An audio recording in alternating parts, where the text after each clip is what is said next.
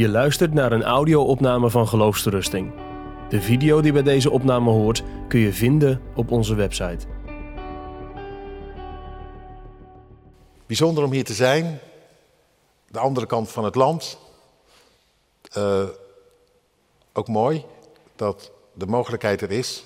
En uh, ik hoop van harte dat we op de een of andere manier door de levende God zelf worden opgezocht en aangeraakt. Want een dominee kan het je niet geven, zeg ik maar even. En, uh, maar ik denk wel dat de geest beloofd heeft dat waar zijn woorden open gaan, dat hij daar zelf zijn werk wil doen op een verrassende manier. Dus, en dan kunnen er hele grote wonderen gebeuren. Gezocht en ongezocht. Dus ik hoop dat we dat mogen ervaren. Ik zei zojuist nog even aan het begin, vind ik altijd zo apart. Op de Pinksterdag, u kent dat verhaal. Uh, het is zo bekend dat je het bijna eroverheen zou lezen, maar de discipelen zijn daar in een van de zalen van de tempel in gebed. Dat is op zich al apart. Want die tempel, dat was het hol van de leeuw, hè? Daar, uh, daar had de geestelijke elite het voor het zeggen en die had Jezus gekruisigd. En toen ze hoorden van zijn opstanding, zeiden ze dat is een leugen. En het leek alsof dat van Jezus voorgoed uit en over was. En daar op die plek waren de discipelen in gebed om de belofte van God. Dat is apart hè, als je erover nadenkt. En daar, uitgerekend op dat tempelplein nota bene, wordt de geest van God uitgestort. Over die mensen die hadden geroepen, zijn bloed komen over ons en over onze kinderen. Ze worden niet bezocht met oordeel, maar met genade. Ze hadden helemaal niks mee met Jezus, met zijn genade, jawel, wel met hun eigen godsdienst, maar niet met dat wat God in Christus op zijn hart had. En toch, als een antwoord op het gebed, de geest uitgestort, daar, op die plek. En daar komen mensen tot bekering. Ja, en dan gaat bekering heel snel. Om negen uur weet je nog van niks, om twaalf uur ben je gedoopt, ondergedompeld in genade. Zo snel gaat in de Bijbel bekering. Als de geest je de ogen opent, dan, uh, ja, dan, dan, dan is verzet is, is niet meer mogelijk. Dan, dan, geef je gewonnen. Dat zie je daar gebeuren. Prachtig als je dat bedenkt. Ja, ze moeten nog even wennen aan het idee. Wat moeten we doen?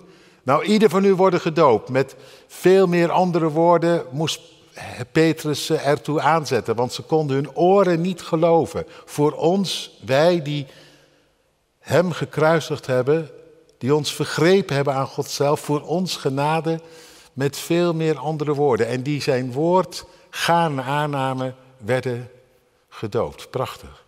Als de geest werkt, dan kijk je ogen uit. Dan weet je niet wat je ziet. En dan duurt het niet, ik weet niet hoe lang, maar dan is God erop uit om ons zo snel mogelijk te krijgen bij eh, de liefde van zijn hart, bij de genade van de Heer Jezus. Nou, dat is al een lezing op zich. Hè? Was wel allemaal inleiding.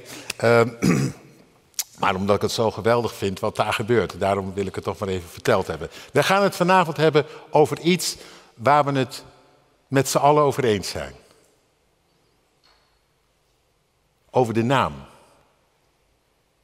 En, en zelfs, ja, dat, dat is niet eens iets waar wij het wel of niet over eens kunnen zijn.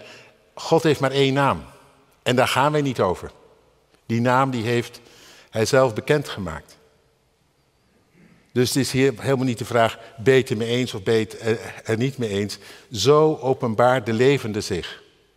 En het enige wat wij kunnen doen is horen en buigen en aan die naam gehoor geven en uiteindelijk die naam laten gelden in ons leven. En dat is mooi. Ik dacht, ik wil iets aan u uitleggen waar we het bij voorbaat over eens zijn. De naam van God. Hebben we net gelezen. Heel veel mensen die kennen die naam niet. Dat heb ik elke keer, weer, elke keer weer gemerkt als ik in een nieuwe gemeente kwam. En ik vroeg, wat is de naam van God? Dan kwamen de mensen hooguit tot dat bekende, ik ben die ik ben. En zei ik, ja, en verder? Nou, dan zei iemand nog, ik zal zijn die ik zijn zal. Nou, en dat, dat klopt, dat is de vertaling van Yahweh. Ik ben die ik ben, ik zal zijn die ik zijn zal. Maar dan vroeg ik, en verder? En ik moet u eerlijk zeggen, in 99 van de 100 gevallen stond de wagen dan stil. Hadden mensen geen idee. En dan zei ik een drama. Wij kennen de naam van God niet. En, en dat veroorzaakt veel ongeloof. En, en dat geeft veel verschil van opvatting over God. Want dan gaan we het zelf invullen wie die is. Dan kom je zomaar bij de zonde van het tweede gebod. Je eigen beeld van God, je eigen denkbeeld van God. En dan ziet de een God zus en de ander ziet God uh, zo. Maar is, is dat nog degene zoals hij zich bekendgemaakt heeft? Dat is dan echt een vraag. Als je de naam van God niet kent, dan loop je groot gevaar je te bezondigen aan het tweede gebod. Dat je je eigen idee erop nahoudt over God. En misschien wel een heel, uh, voor je gevoel, orthodox idee, maar het is de vraag of het klopt met de naam die hij zelf geopenbaard heeft. En als je je eigen idee van God erop nahoudt, dan bezondig je niet alleen aan het tweede gebod, maar via de zonde tegen het tweede gebod ook eigenlijk aan het eerste gebod. Dan heb je een andere God gekregen. Geen andere goden voor mijn aangezicht. Dan denk je nog dat je hem dient, maar intussen ben je je eigen idee en beeld van God aan het dienen. Daar buig je dan voor neer. Dat is heel ernstig. Maar het is een veel voorkomende zonde. Het kwam in Israël gelijk al voor in de woestijn. Want het verhaal wat we gelezen hebben, of dat stukje wat we gelezen hebben, dat is in aansluiting op die zonde, weet u wel, van het gouden kalf. En dat was eigenlijk de zonde die ik zojuist beschreven heb. Want toen Israël een gouden kalf uh, wilde hebben, of toen Aaron dat voor hen maakte, toen ging het niet om een andere God. Toen ging het om een beeld van God. Kunt u nalezen. Als Aaron het kalf heeft gemaakt, dan zegt hij: Dit is de Heere uw God, die u uit Egypteland heeft uitgeleid. Heeft hij een beeld van God gemaakt. Want God, ja, dat zeggen ze ook, hè, is zo ver. En Mozes, ja, die is op de Sinaï, maar dat is nu al zo lang. En we weten niet wat er van hem geworden is. En God, ja, geef ons iets wat zichtbaar is en tastbaar is. Een beeld. Zodat we God een beetje dichterbij kunnen halen. Zodat we een beetje zicht en greep op krijgen. We willen God wat dichterbij. Nou, dat lijkt op zich, op het eerste gezicht, een goed verlangen. En dan, maakt, dan maakt hij Aaron een kalf. En waarom maakt hij een kalf, een gouden kalf? Nou, het kalf, dat was het symbool van vruchtbaarheid en kracht. En dat waren nou precies de twee dingen die je nodig had in de woestijn.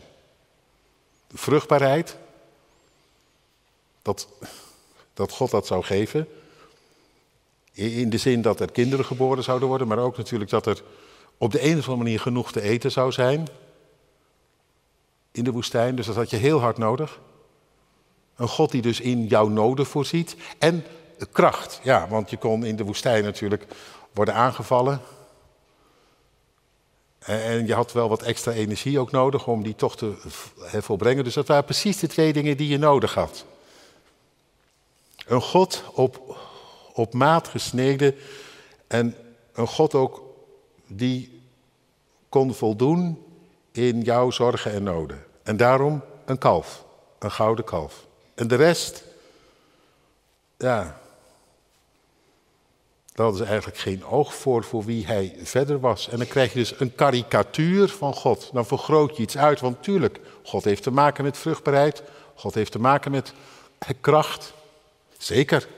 Maar het zijn het, er is veel meer te zeggen over hem. En als je die twee dingen uitvergroot, dan krijg je een karikatuur. Dan zet je God eigenlijk neer op je eigen manier. En dat is iets waar God heel erg over vertoornd raakt. Dat staat ook in dat tweede gebod, hè? de misdaad van de vaderen. Dit is een misdaad als je van God een eigen beeld maakt. Hoe goed bedoeld ook, oprecht gemeend. Ze zochten houvast, hulp. En daarom een beeld, een kalf, een symbool van vruchtbaarheid en kracht. En ze, ze bouwden een feest, hun eigen feest. En ze bogen zich er, ervoor neer. Dit is uw God, Israël. En God is vertoornd. En dat is te begrijpen, want stel u voor, iemand maakt van jou een karikatuur. En die zet die, is er een Rijssense krant of zo? Is die er? Dat zal wel, hè? Rijssense krant. Die zet die op de voorpagina. Met jouw naam eronder. Een verhaaltje erbij. Kijk, dit is meneer X, dit is mevrouw Y. En je wordt daar toch zeg maar, neergezet op een manier dat anderen een beetje gniffelen, maar zelf word je niet zo vrolijk van. Nou ja, misschien kun je er de eerste keer nog om lachen, maar die week daarna staat het weer in de krant. Weer, jij op de voorpagina, op die manier. Met hele grote oren, of uh, een beetje een gekke neus, of een beetje een, een krom gebit, maar dan helemaal uitvergroot, weet je wel? Of, of, of met iets anders, een soort eigenschap die dan door iemand in die karikatuur naar voren wordt gehaald. Hoe zou je dat vinden? En dan die week daarna ook weer. En dat iedereen dat idee krijgt van jou. En misschien klopt het op een bepaalde manier, maar je bent natuurlijk veel meer dan die karikatuur. Zou je niet op den duur zwaar beledigd voelen? Zou je niet ontzettend gekrenkt en gekwetst zijn dat ze er maar wat van maken met elkaar? Van jou? Begrijp je? Het is, het is niet om het even wat wij over God zeggen. Wat wij in alles telligheid soms over hem beweren. Het is de vraag of dat klopt met de naam. En als het daar niet mee uh, klopt, is het een karikatuur. En daarom dat God ook zwaar vertoornd is. Hè? Hij zegt het tegen Mozes. Ga naar beneden en ik, ik, ik kan dit niet verdragen. Ze hebben van mij hun eigen beeld gemaakt. En daar buigen ze zich voor. Voor hun eigen beeld van mij. En ze weten niet meer wie ik echt ben. Stel je voor dat een man of een vrouw dat doet van elkaar, dat je vrouw steeds van jou iets beweert. En daarop hamert en dat helemaal uitvergroot. Dat doet toch zeer en pijn? Dat ze niet meer ziet wie je echt bent voor haar? Of andersom?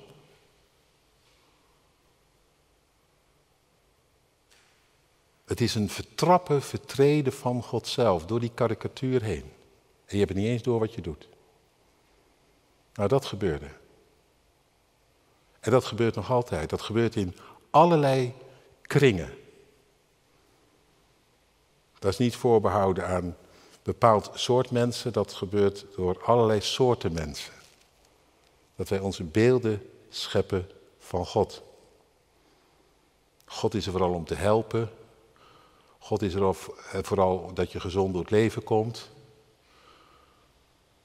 Of God is uh, sowieso zeg maar, liefde en verder geen probleem. Of God is sowieso vooral vertoornd en genade is de vraag. Allemaal beelden van God. Zware beelden, lichte beelden, sombere beelden, vrolijke beelden. Maar allemaal beelden. Het ene, ene beeld is niet beter dan het andere. Als het niet meer correspondeert met de naam. Begrijp je? En weet je, het gaat nog ietsje verder. Wij maken zelf ook vaak een beeld in ons hoofd. Wij allemaal.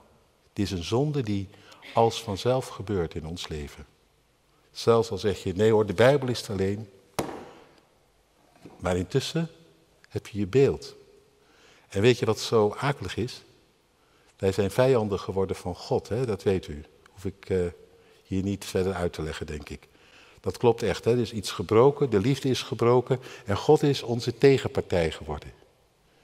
Zo zien we hem nu. Wij zien God als een tegenpartij. Dus de vijandschap zit niet in God, de vijandschap zit in ons. Hij is dezelfde gebleven. God is liefde. Ik ben die ik ben. Ik, de Heer, word niet veranderd. Ook niet al vallen jullie van mij af.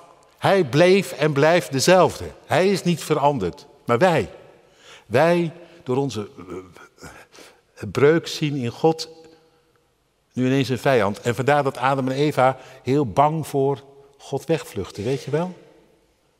Daarvoor, als hij verscheen om met hen op te wandelen die dag, nou, dan, dan was het een feest. Maar nu, angst.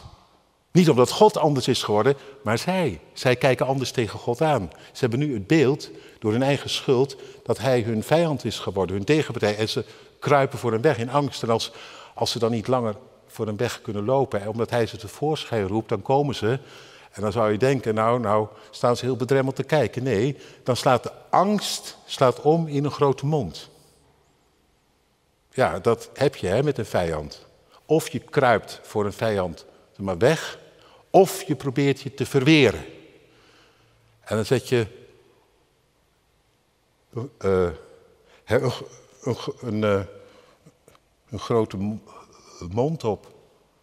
Want kijk maar, als God zegt, wat zie ik? Zijn jullie naakt? Waarom? Of, uh, um, um, nee, ik zeg nou verkeerd.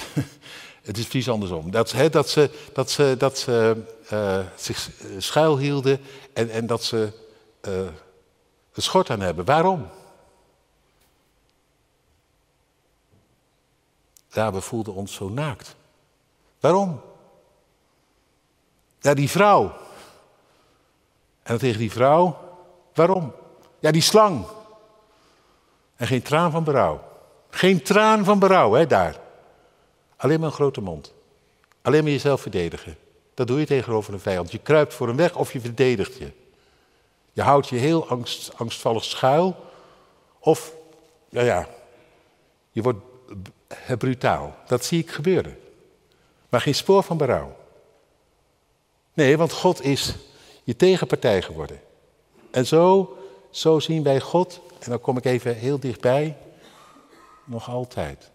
God zien we in principe als onze tegenpartij. En de een die ontloopt hem en die serveert hem af in zijn leven, die verzet zich en die zegt ik hoef er niks mee. Die overschreeuwt zichzelf en de ander, en daar zullen er hier in reis ook heel veel van zijn, die is er toch een beetje benauwd van en bang. En die zegt je moet wel oppassen. En je moet wel je best doen.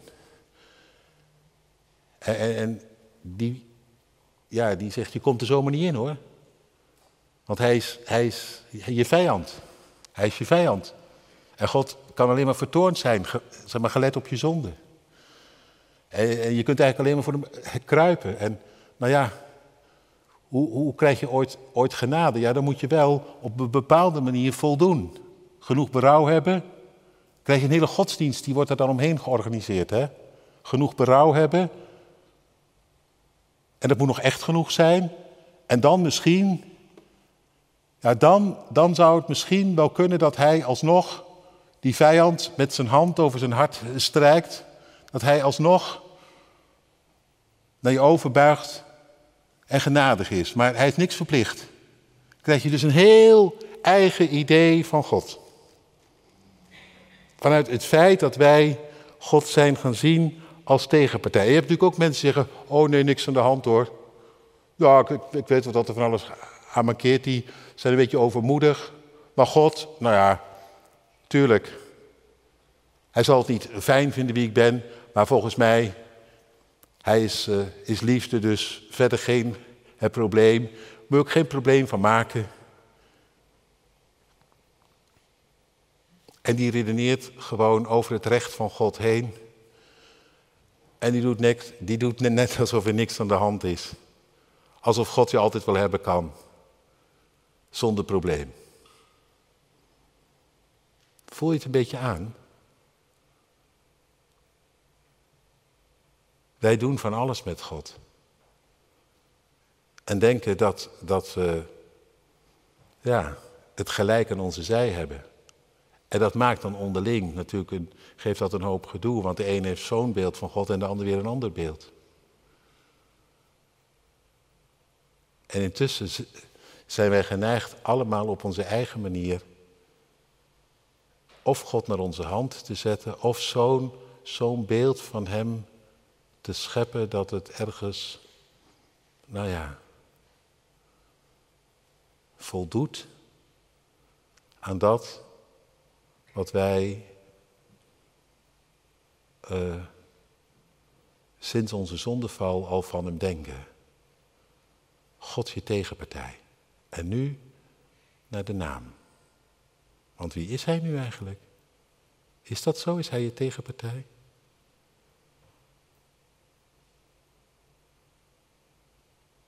Is hij je vijand?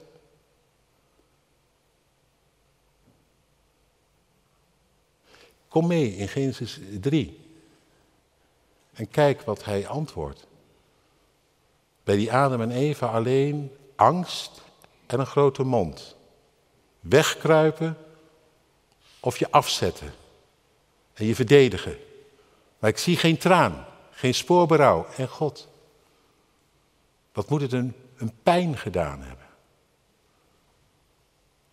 Maar hoor wat hij doet, hoe hij antwoordt. Waar antwoordt hij mee? Met een belofte. Ik zal. Met genade. Met ontferming. Hij, hij, hij, hij gaat niet eens meer proberen berouw te, uh, op te wekken bij die mensen. Hij weet, het is tussen jullie en mij stuk. En jullie zien in mij alleen nog maar een tegenpartij. En dan gaat God daar dwars overheen, daartegen in. En niet met gebalde vuist. En niet dat hij uitvaart in toorn. Maar dat hij komt midden in die ellende. Midden in die schuld en zonde. Midden in dat hopeloze wat hij daar voor zich ziet staan. Die twee mensen die alleen maar angstig kunnen wegkruipen. Of zich alleen maar zelf kunnen verdedigen en zich tegen hem kunnen afzetten. En uiteindelijk hem de schuld geven, die slang. Of die vrouw die u me hebt gegeven en die slang die u gemaakt hebt. En God die antwoordt zoals die is. Zoals die was en zoals die is. En wie was die en wie is die? Een en al ontferming en liefde, want hij antwoordt met een belofte. Ik zal. Ik zal vijandschap zetten tussen u en deze vrouw, zegt hij tegen de slang. En je kent die belofte. Tussen u zaten, tussen haar zaten. En het wordt een gevecht, maar ik zal, ik ga dat gevecht winnen.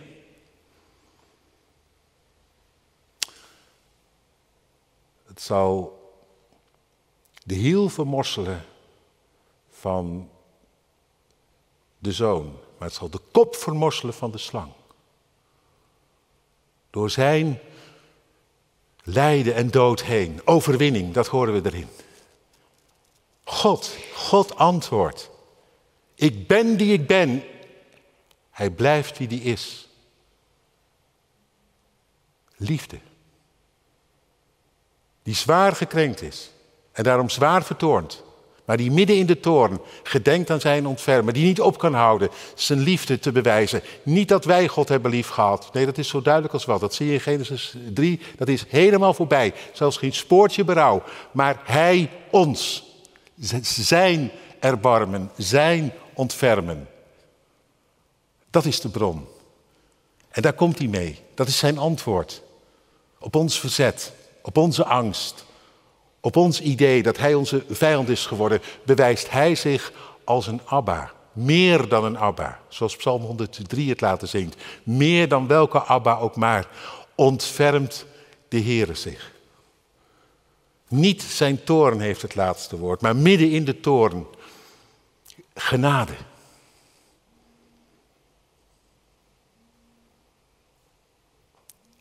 Daar gaan we het over hebben bij de naam. Nu kom ik heel direct bij de naam.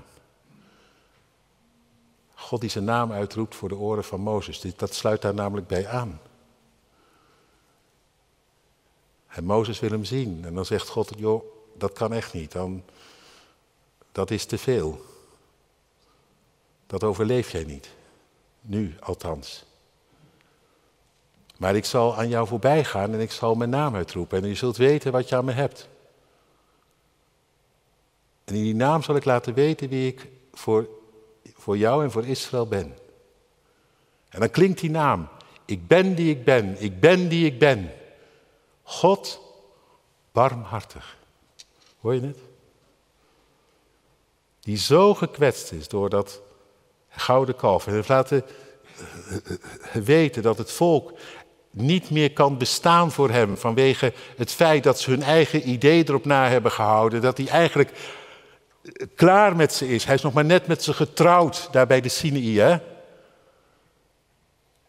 En ze hebben hem zo op zijn hart getrapt dat hij er een eind aan wil maken. Dat hij van dat volk af wil, dat hij scheiden wil.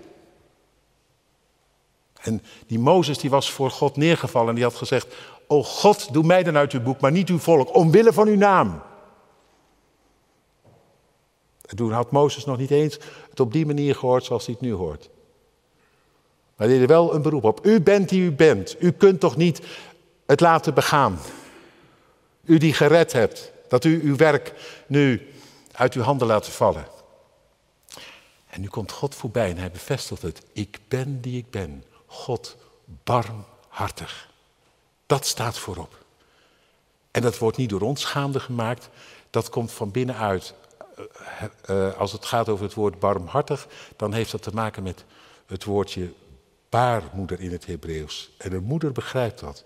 Dat komt van heel diep. Een kind wat je onder je hart gedragen hebt, dat kun je niet vergeten. Staat later ook in de Bijbel, hè? kan een vrouw haar zuigeling vergeten. En zelfs al zou zij vergeten, ik toch niet, zegt de Heer. Barmhartig, dat is innerlijk met barmhartigheid bewogen. Midden in de toorn. Want God was vertoornd over het kwaad.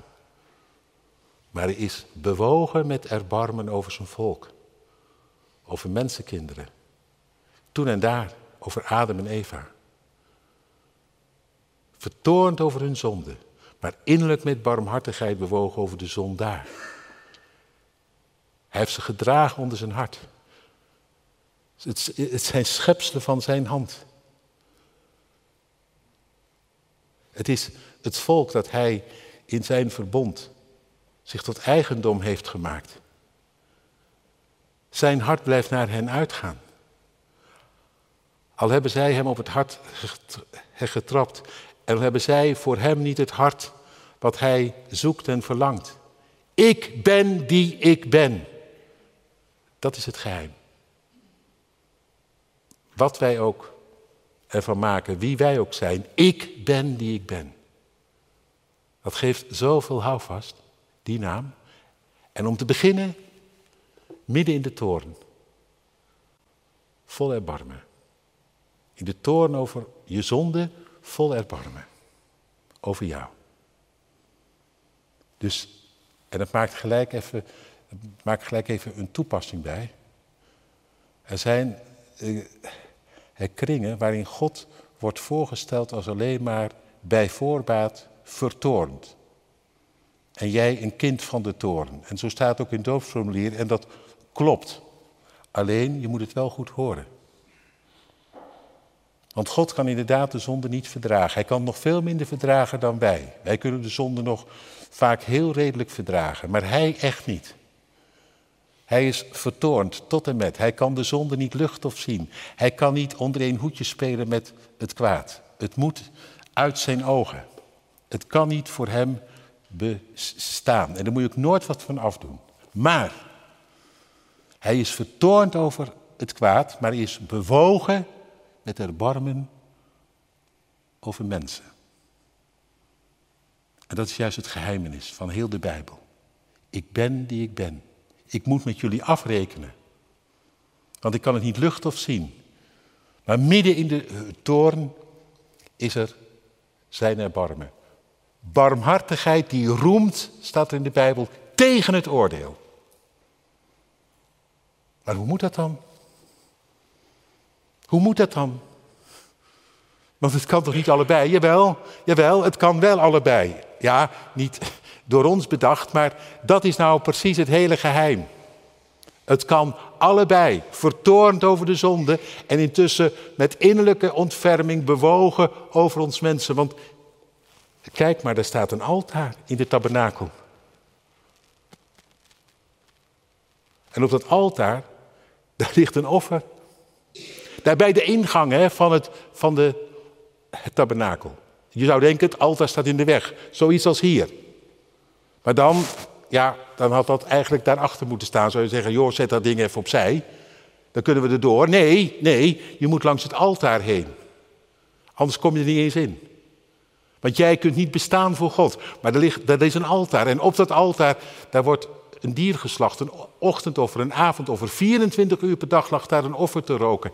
En zo werd jij onthaald. En dan kom ik even zo, als het ware, met een uitgestoken hand. Over de rug van dat geslachte offerdier heen. Jouw zonde gaat in rook op en daarom kun je erin komen. En dat was niet door ons bedacht, dat altaar, dat was door God bedacht. Ik geef het offer op het altaar. Want ik ben inderdaad zwaar vertoornd over jou. En toch, ik kan het niet verdragen om jou eraan te geven, vol erbarmen. Dat staat bij mij voorop en dat, dat zal het ook winnen van het oordeel. Daarom staat het in Gods naam voorop. Niet de toorn staat voorop, maar het erbarmen staat voorop. Dat bedenk ik niet.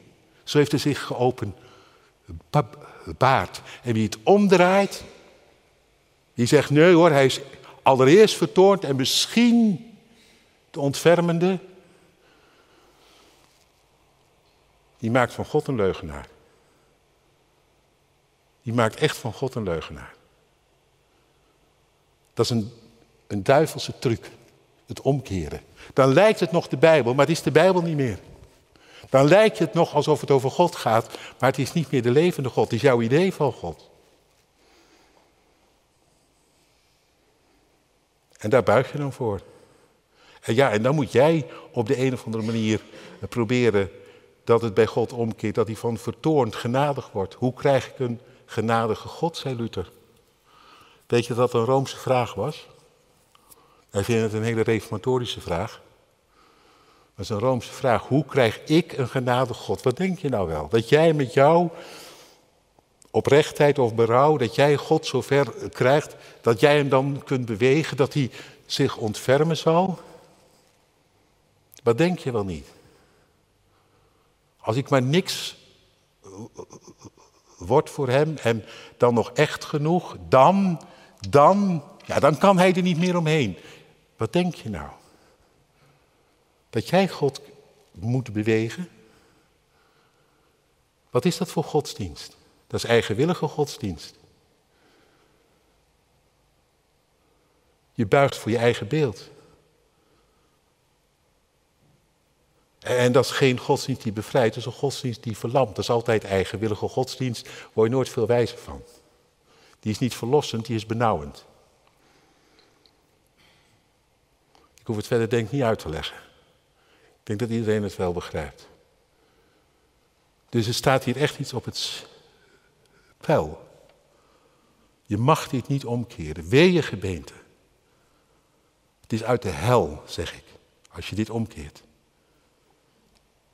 Als jij zegt, maar toch, volgens mij is God allereerst vertoornd en of die ontfermend zal zijn, dat zal de vraag wezen. Dat zou de duivel wel willen. Dat wij ons leven lang in angst proberen God te bewegen om genadig te zijn. En liefst voor hem wegkruipen en, en eigenlijk na, ja, op een gegeven moment heel moedeloos of gewoon hardnekkig er de brui aan geven, omdat er toch geen begin aan is. Dat is precies wat de duivel wil, maar het is niet wat de geest wil. Goed, ik ga. Hoe lang heb ik nog, Marcel? Oh, nou, ik ben al bijna bij het eind, zei hij. Nog, ik, maak het even, ik, ik, ik, ik maak het even heel kort af.